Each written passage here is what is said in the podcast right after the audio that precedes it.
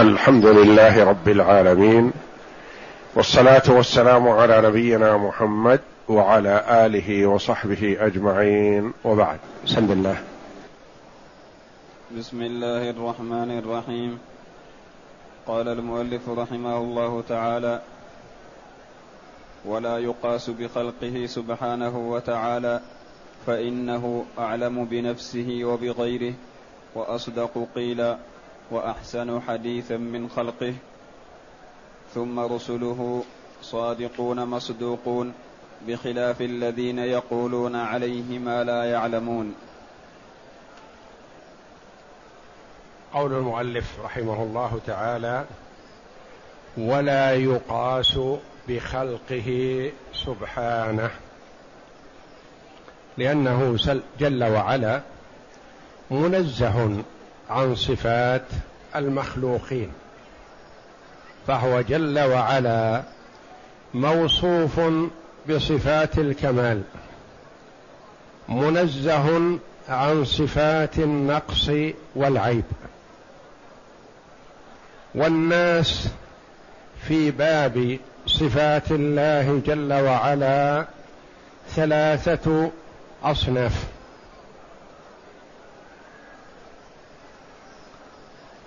صنفان ضلوا عن الصراط المستقيم. والصنف الثالث الوسط أهل السنة والجماعة وفقهم الله جل وعلا لما أرشدهم إليه كتاب الله جل وعلا وأرشدهم إليه رسوله صلى الله عليه وسلم الذي هو أعلم بالله من سائر الخلق. فالطرفان طائفة شبهت الله جل وعلا بخلقه. قالوا له وجه كوجهي له يد كيدي له قدم كقدمي له سمع كسمعي تعالى الله جل وعلا عما يقولون علوا كبيرا. فيد المخلوق على قدره. والله جل وعلا له يد لا تشبه يد المخلوق. والله جل وعلا له سمع لا يشبه سمع المخلوقين. فسمع المخلوقين محدود. يسمع من مسافة كذا لكن إذا تجاوز ما سمع. والله جل وعلا يسمع ويرى دبيب النملة السوداء على الصخرة الصماء في ظلمة الليل. وهو جل وعلا في علوه فوق العرش جل وعلا. وبين السماء الدنيا والأرض مسيرة خمسمائة عام. وبين كل سماء وسماء مسيرة خمسمائة عام. وكثف كل سماء مسيرة خمسمائة عام. وبين السماء السابعة والعرش سقف ما بين بحر ما بين أسفله وأعلاه كما بين السماء والأرض.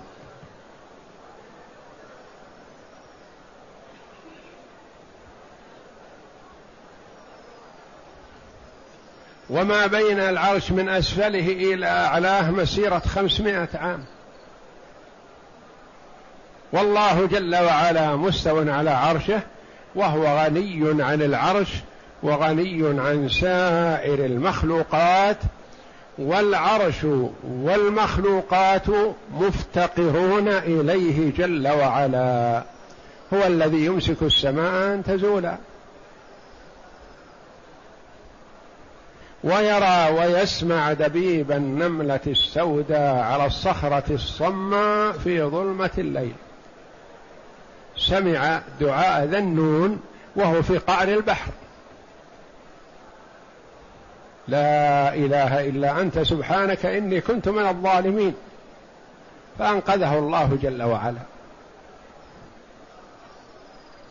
قد سمع الله قول التي تجادلك في زوجها وتشتكي إلى الله والله يسمع تحاوركما. هذا سمعه جل وعلا فهل يقاس بسمع المخلوقين؟ طائفة شبهت فضلت عن الصراط المستقيم. وطائفة عطلت فضلت عن الصراط المستقيم. نفت الصفات اطلاقا. قالوا لو أثبتناها شبهنا. ففروا من التشبيه ووقعوا فيما هو أسوأ من التشبيه الذي هو التعطيل.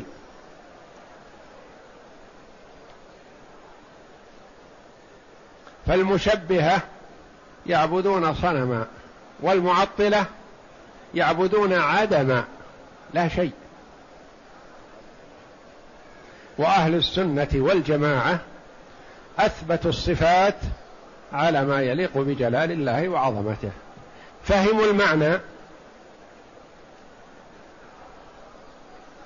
وعظموه.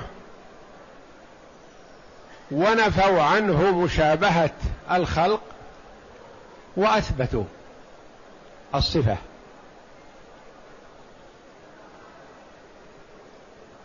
الطائفة الأولى فرت من التعطيل فشبهوا. والطائفة الثالثة فرت من التشبيه فعطلت. وأهل السنة والجماعة أثبتوا إثباتا بلا تشبيه ونزهوا تنزيها بلا تعطيل. ولا يقاس بخلقه سبحانه فهو أعلم بنفسه وبغيره جل وعلا. الله جل وعلا يصف نفسه ويثبت الصفات لنفسه ثم يأتي الشقي العنيد فيقول لا لا يا ربي ما هو بهكذا. كأنه يقول هو أعلم من الله بالله جل وعلا. الله جل وعلا يقول لإبليس ما منعك أن تسجد لما خلقت بيدي؟ أستكبرت أم كنت من العالين؟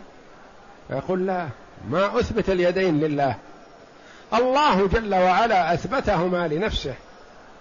وأنت تقول لا.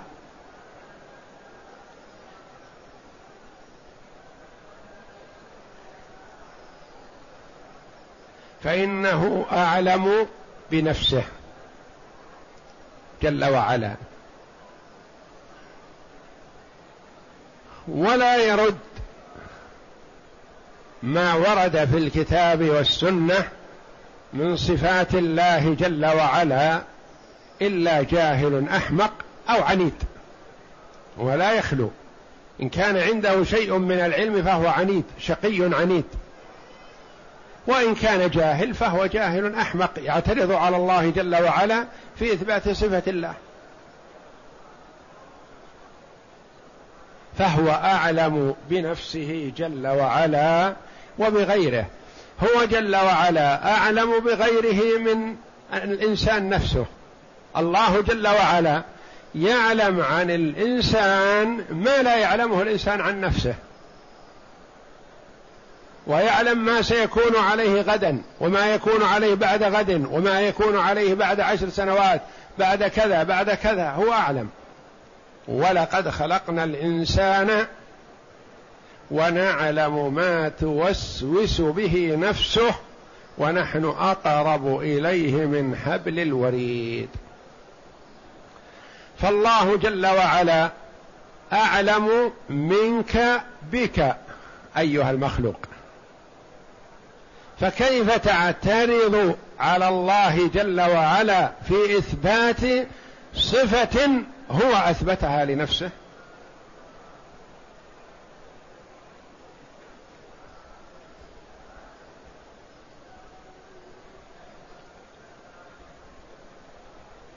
فإنه أعلم بنفسه وبغيره جل وعلا. وأصدق قيلا. لا أحد أصدق من الله جل وعلا. وأحسن حديثا. لا أحد أحسن من الله جل وعلا تعبير. وهذا القرآن العظيم يقول الله جل وعلا عنه ولو كان من عند غير الله لوجدوا فيه اختلافا كثيرا. متسق منتظم تحدى فحول العرب وفصحاءهم أن يأتوا بمثل ما استطاعوا.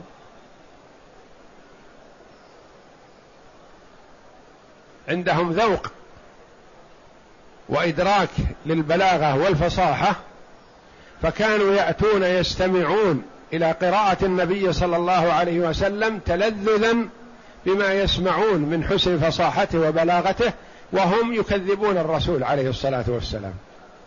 لكن هذا القرآن استجلبهم.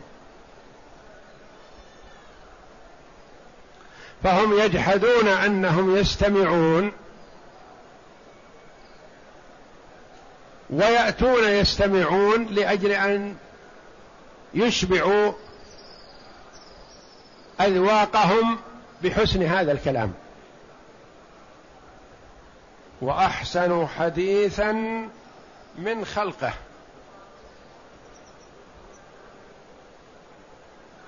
تحداهم أن يأتوا بمثله ما استطاعوا. يعني ما في قصور في البلاغة أو في الفصاحة. يقال المراد كذا لكن عجز يعبر تعالى وتقدس. قد يأتيك مثلا واحد أعجمي فاهم حقيقة من الحقائق حقيقة طبية أو هندسية ونحوها فاهمها مدركها ادراكا كامل. لكنه ضعيف باللغة العربية ويحب أن يوضحها لك.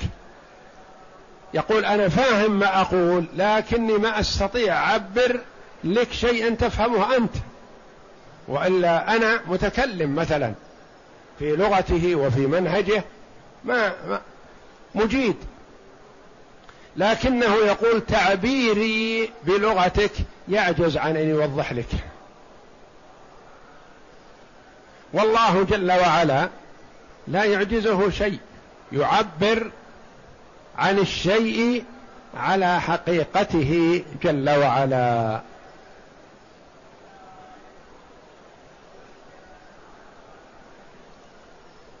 نعم قوله.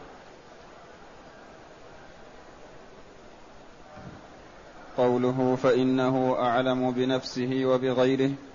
إلى قوله ثم رسله صادقون مصدقون. تعليل لصحة مذهب السلف في الإيمان بجميع الصفات الواردة بجميع الصفات الواردة في الكتاب والسنة. السلف الصالح رحمة الله عليهم يقولون نؤمن بما جاء عن الله على مراد الله. ونؤمن بما جاء عن رسول الله صلى الله عليه وسلم على مراد رسول الله. فهم يفهمون المعنى ولا يشبهون. ويفهمون المعنى ولا يعطلون. فيثبتون ويتحاشون ما عند المشبهة فلا يشبهون. وينزهون الله جل وعلا عن صفات المخلوقين ويتحاشون ويبتعدون عن صفات عن خلق وطبع المعطلة فلا يعطلون. ينزهون لكن يحذرون التعطيل. يثبتون فيحذرون التشبيه. فكانوا وسطا بين الطائفتين الضالتين. فإذا كان هو أعلم بنفسه جل وعلا فهل يليق أن نعترض على الله جل وعلا بما أثبته لنفسه؟ لأنه لا يخلو.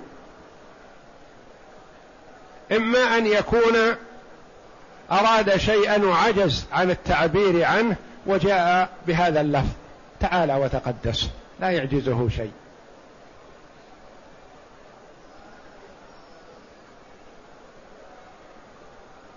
وإما أن يكون كذا وإما أن يكون كذا يستحي المرء أن يقول يكون كذا ويكون كذا.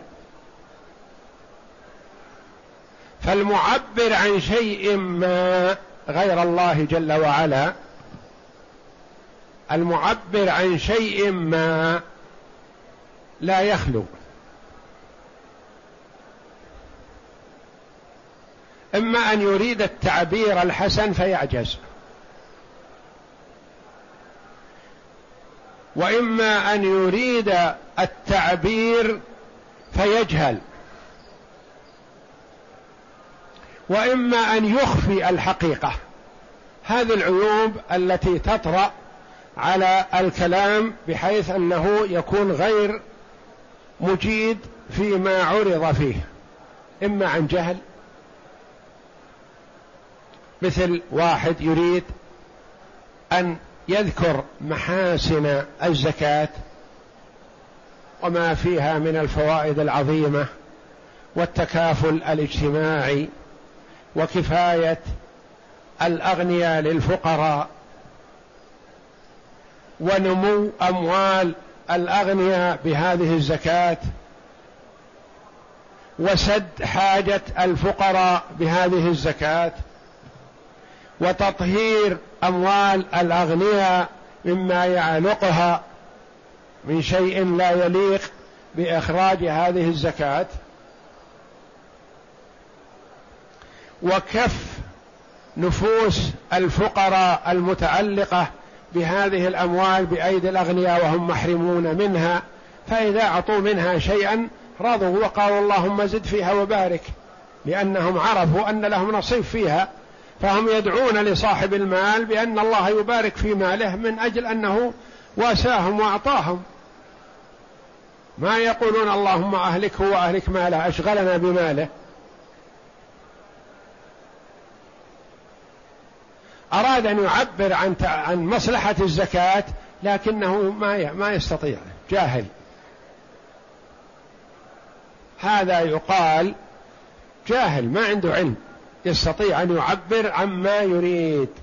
يحب أن يحث على الزكاة لكنه ما يستطيع. الثاني عنده علم ومعرفة وبصيرة. لكنه عاجز عن التعبير المناسب للمخاطب. فيقال عنده شيء لكن عاجز عن إبرازه للمخاطب مثل الأعجمي كما قدمت.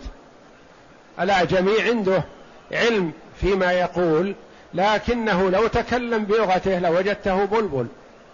لكن يتكلم معك باللغة العربية وهو ما يعرفها يكسر.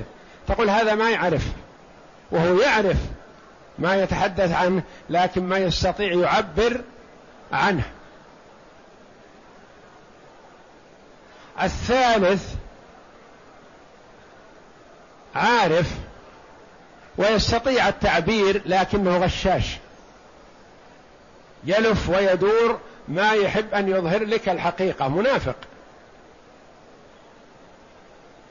فكلامه يستطيع يتكلم وهو فاهم الحقيقة لو عبر عنها صحيح لكنه يلف ويدور لأجل ما يظهر لك الحقيقة على حقيقتها عنده شيء من الغش.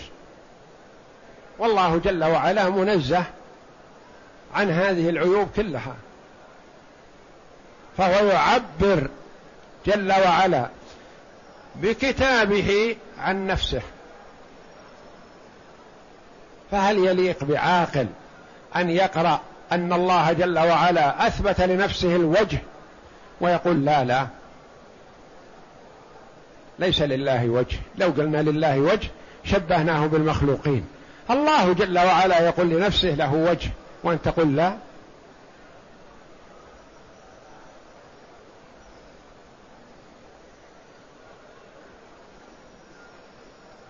فتشبيه ضلال المعطلة أشد يعني المشبهة ضلوا وشبهوا الله بخلقه فضلوا عن الصراط المستقيم لكن المعطلة أشد. كأنهم كذبوا الله جل وعلا تعالى وتقدس. كأنهم تنقصوا الله. كأنهم اتهموا الله بعدم الصدق.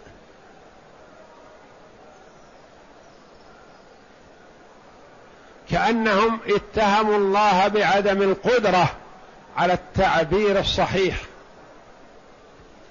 كأنهم اتهموا الله بأن يجهل نفسه تعالى وتقدس.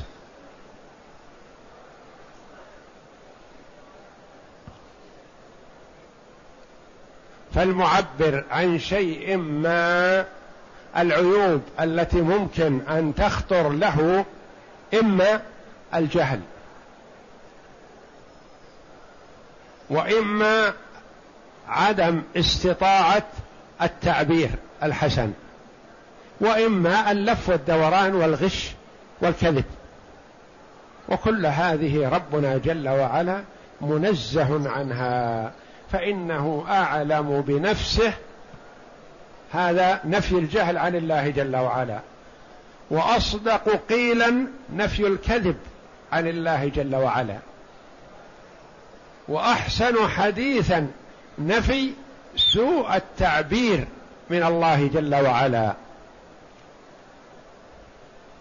فهو يعبر تعبيرا يتحدى عليه. فصحاء العرب ما يستطيعون أن يأتوا بمثله. نعم. فإنه إذا كان الله عز وجل أعلم بنفسه وبغيره وكان أصدق قولا وأحسن حديثا وكان رسله عليهم الصلاة والسلام صادقين في كل ما يخبرون به عنه معصومين من الكذب عليه والإخبار عنه بما يخالف الواقع. وجب التعويل اذن في باب الصفات نفيا وإثباتا على ما قاله الله وقاله رسوله صلى الله عليه وسلم. يعني وجب على كل عاقل متعلم أن يقتصر في التعويل على إثبات الصفات على موردين فقط. موردين وهما الكتاب والسنة. وما جاء بهما يتمسك به ويعض عليه بالنواجذ ولا يتعرض له بتأويل أو تحريف أو نفي أو تشبيه.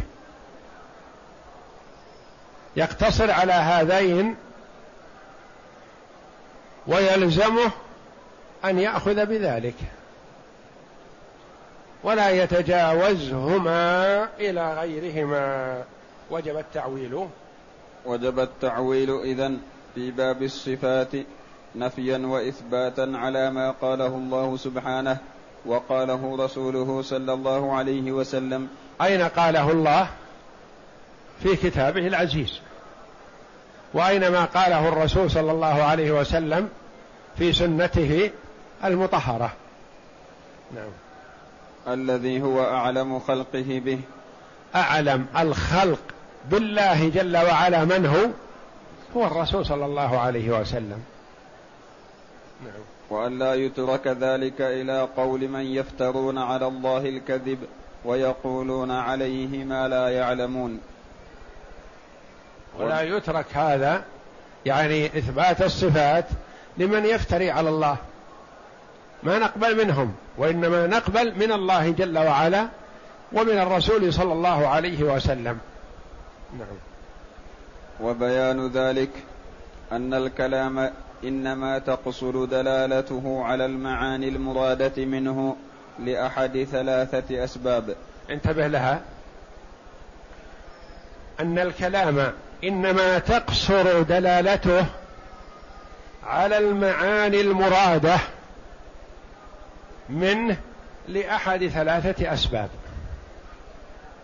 واحد يريد أن يعبر عن حقيقة من الحقائق.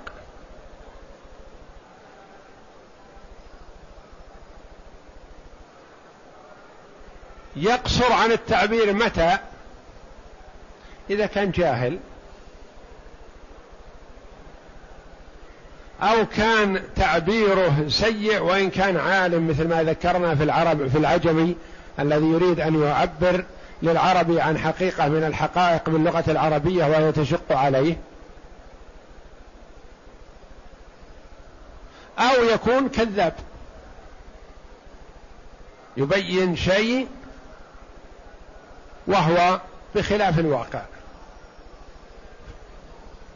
فتقصر دلالته على المعاني المرادة منه لأحد ثلاثة أسباب وهي إما لجهل المتكلم وعدم علمه بما يتكلم به. يحب أن يعبر تعبير حسن ويوضح هذه الحقيقة لكن علمه قاصر ما يستطيع. نعم. وإما لعدم فصاحته وقدرته على البيان. عالم لكنه ما هو فصيح. مثل ما قال موسى عليه الصلاة والسلام وأخي هارون أفصح مني لسانا فأرسله معي يرد أن يصدقني. موسى عليه الصلاة والسلام في لسانه لكنة فيقول أخشى إن أنني ما أستطيع أن أعبر عما في نفسي في دعوتهم. فما يقبلون مني؟ يكون تعبيري قاصر. فأخي هارون فصيح في اللسان أرسله معي ليعبر نعم. وإما لكذب وإلا فهم وإدراك موسى عليه الصلاة والسلام فيما سيقول أقوى من هارون وهو أفضل من هارون. لكن تعبيره بلسانه قد يكون فيه شيء. نعم. وإما لكذبه وغشه وتدليسه. مثل المنافق الذي يعرف الحقيقة لكنه يلف ويدور. عالم وعنده حسن تعبير لكن كذاب. يريد أن يضل الناس قاصد إضلال الناس. فهذه الأمور التي تعرض وتجعل الكلام يقصر عن الدلالة على المراد. والمؤلف رحمه الله جاء بهذا لايضاح أن دلالة كتاب الله جل وعلا على مراد الله جل وعلا واضحة لا غبار عليها. لا يقصرها جهل في الموضوع ولا يقصرها سوء تعبير ولا يدخل عليها كذب. وافتراء. فهي أحسن ما يستدل به على المراد ما عبر الله جل وعلا به في كتابه. نعم. ونصوص الكتاب والسنة بريئة من هذه الأمور الثلاثة من كل وجه. من هذه هي العيوب. ونصوص الكتاب والسنة الواردة في القرآن وفي الحديث بريئة منزهة عن هذه العيوب. اذا فهي منطوق بها عن علم. وحسنة التعبير فيما يراد وصادقة فيما تقول. فلا يجوز العدول عنها. نعم. فكلام الله تعالى وكلام رسوله صلى الله عليه وسلم في غاية الوضوح والبيان. كما أنه المثل الأعلى في الصدق والمطابقة للواقع. إذا قال القائل إن الله كذب علينا تعالى وتقدس فيكفر بهذا ويخرج من ملة الإسلام. يعني ثم يلزمه أن يؤمن بما جاء في كتاب الله جل وعلا عن صفات الله تبارك وتعالى نعم. لصدوره عن كمال العلم بالنسب الخارجية وهو كذلك صادر عن تمام النصح والشفقة والحرص على هداية الخلق وإرشادهم فقد اجتمع يعني مشتمل على العلم التام وحسن البيان الجلي والصدق الواضح والشفقة على الخلق. فالله جل وعلا أرحم بخلقه من الوالدة بولدها ومن الوالد بولده وأشفق على خلقه من الوالد والوالدة بأولادهم وأشفق على خلقه من الولد على والده. فهو جل وعلا وصى الوالدين بأولادهم ووصى الأولاد بآبائهم وأمهاتهم بوالديهم.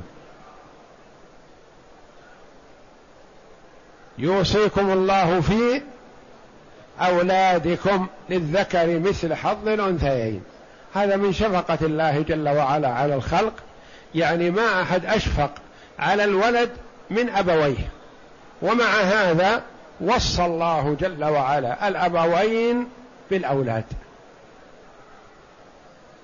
ولا اشفق بعد هذا من الولد على والديه.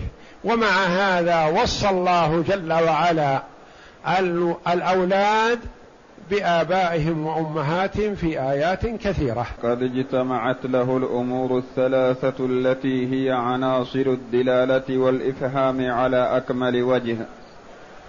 الدلالة على أكمل وجه تفتقر إلى ثلاثة أمور. علم الحقيقة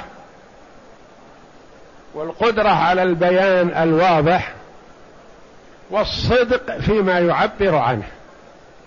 فإذا وجدت هذه الثلاثة اكتمل البيان.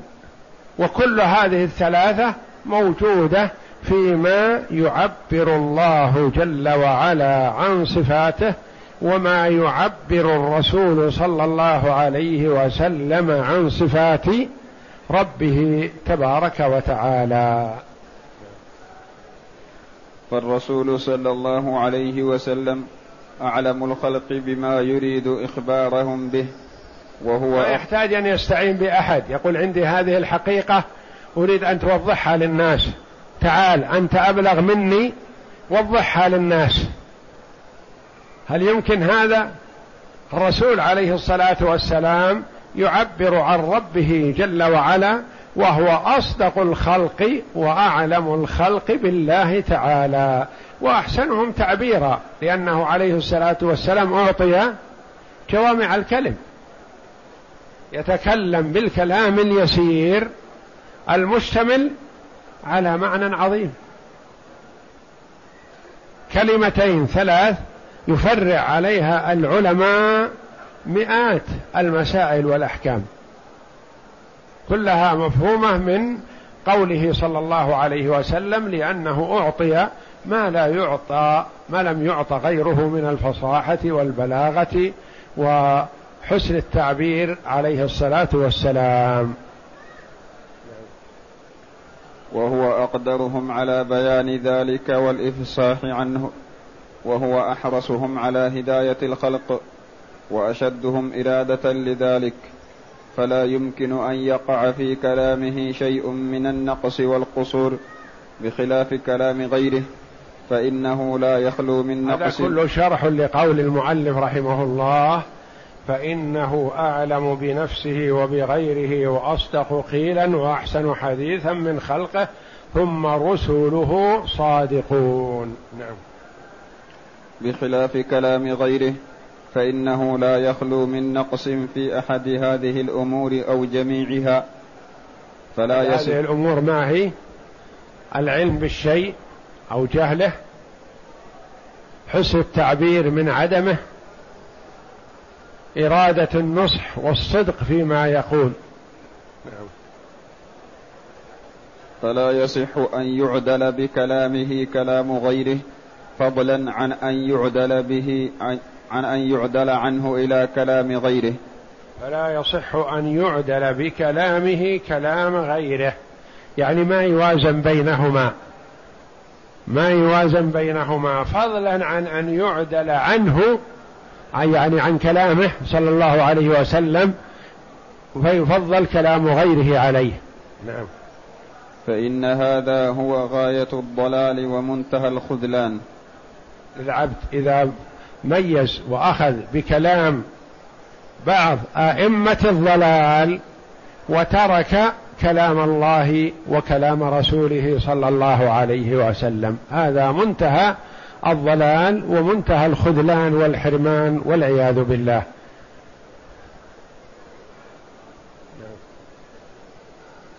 ولهذا قال سبحان ربك رب العزة عما يصفون وسلام على المرسلين والحمد لله رب العالمين. يعني أن هذا الكلام المقطع الأخير على قوله ثم رسله صادقون مصدقون أو مصدوقون. ثم رسله صادقون مصدقون يعني يصدقهم الخلق. أو مصدوقون من الله جل وعلا لا يعطيهم إلا الصدق. كما قال عبد الله بن مسعود حدثني رسول الله صلى الله عليه وسلم وهو الصادق المصدوق عن الله. أو هم الصادقون المصدقون من الخلق أو المصدقون من الله جل وعلا لأنه صدقهم جل وعلا في كتابه صدق الرسل. فهو صادق مصدق من الله أو صادق مصدوق من الله ما أخبره الله إلا بالصدق. يعني الله جل وعلا أعطاه الصدق فهم صادقون مصدوقون أو صادقون مصدقون. صدقهم الله. يعني أعطاهم الله الصدق نقول مصدوقون. أو نقول مصدقون أي صدقهم الله فيما قالوا. وكلاهما حق. يصح أن تقول رسله صادقون مصدوقون فيما أخبروا به لأن من الذي أخبرهم؟ هو الله جل وعلا. فهم صادقون في أنفسهم مصدوقون من الله. خبرهم الله بالصدق. أو صادقون مصدقون صادقون هم وصدقهم الله جل وعلا في كتابه وصدقهم من أراد الله توفيقه من الخلق من خيار الأمة.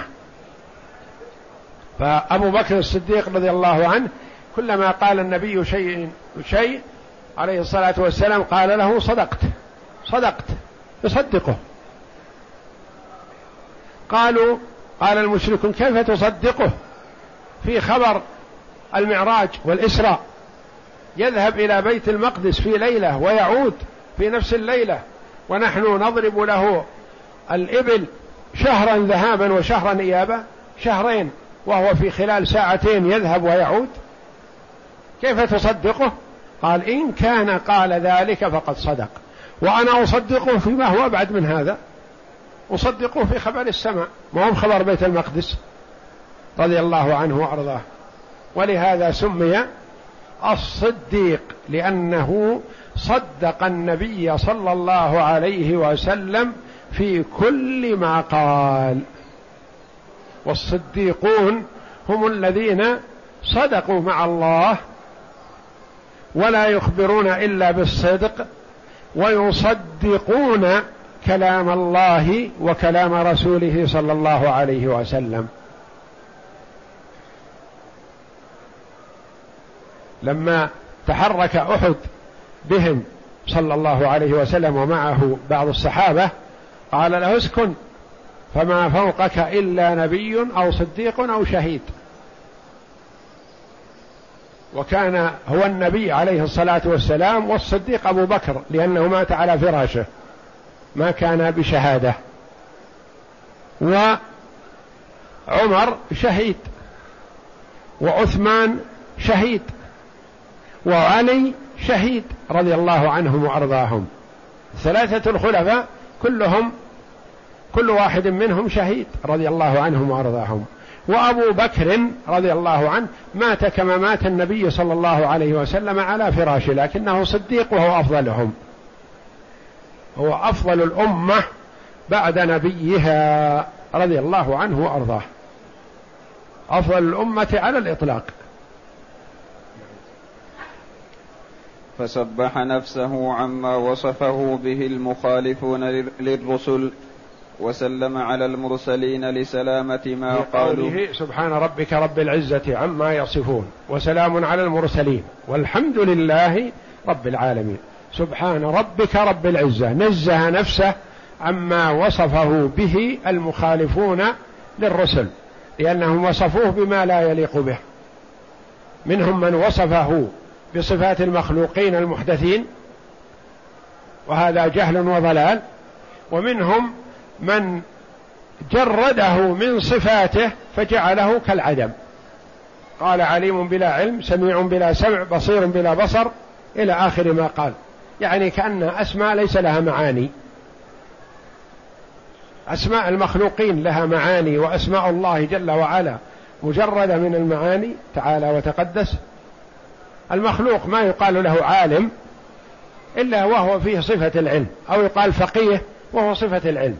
الجاهل الذي لا يدري كيف يعمل ما يقال فلان فقيه. والله جل وعلا يوصف بصفات ونقول مجرد من المعنى تعالى وتقدس. ولهذا سبح نفسه نزه نفسه عما وصفه به المخالفون للرسل. نعم. وسلم على المرسلين. لسلامة ما قالوه من النقص والعيب. سلم على المرسلين لأنهم ما قالوا إلا كلاما صحيح. فهذا تصديق للمرسلين صلوات الله وسلامه عليهم أجمعين. لأنه لو لم يصدقهم ما سلم عليهم. وسلام على المرسلين. فهم ما قالوا إلا حق وصدق. وهم منزهون عن أن يصفوا ربهم جل وعلا بصفة نقص أو عيب. قوله ولهذا قال إلى آخره تعليل لما تقدم من كون كلام الله وكلام رسوله أكمل صدقا وأتم بيانا ونصحا وأبعد عن العيوب والآفات من كلام كل أحد. وسبحان اسم مصدر من التسبيح الذي هو التنزيه والإبعاد عن السوء واصلح من السبح الذي هو السرعة والانطلاق والإبعاد ومنه فرس سبوح إذا كانت شديدة العدو. وإضافة الرب إلى العزة من إضافة الموصوف إلى صفته وهو بدل من الرب قبله. صفة إضافته إلى العزة. سبحان ربك رب العزة. رب الله جل وعلا والعزة صفة من صفات الله جل وعلا فأضاف نفسه إلى صفته فهو من إضافة الشيء إلى صفته وهذا وارد في اللغة العربية كثير. سبحان ربك رب العزة رب العزة رب الجلال رب القدرة. رب الكبرياء رب العظمة. فهذه صفاته جل وعلا يضاف إليها. فيقال الله العزيز أو يقال رب العزة. نعم. فهو سبحانه ينزه نفسه عما ينسبه إليه المشركون من اتخاذ الصاحبة والولد وعن كل نقص وعيب ثم يسلم على رسله عليهم الصلاة والسلام بعد ذلك للإشارة إلى أنه كما يجب تنزيه الله عز وجل وإبعاده عن كل شائبة نقص وعيب فيجب اعتقاد سلامة الرسل عليهم الصلاة والسلام في أقوالهم وأفعالهم من كل عيب كذلك. فلا يكذبون على الله ولا يشركون به ولا يغشون أممهم ولا يقولون على الله إلا الحق. والله أعلم وصلى الله وسلم وبارك على عبده ورسول نبينا محمد وعلى آله وصحبه أجمعين.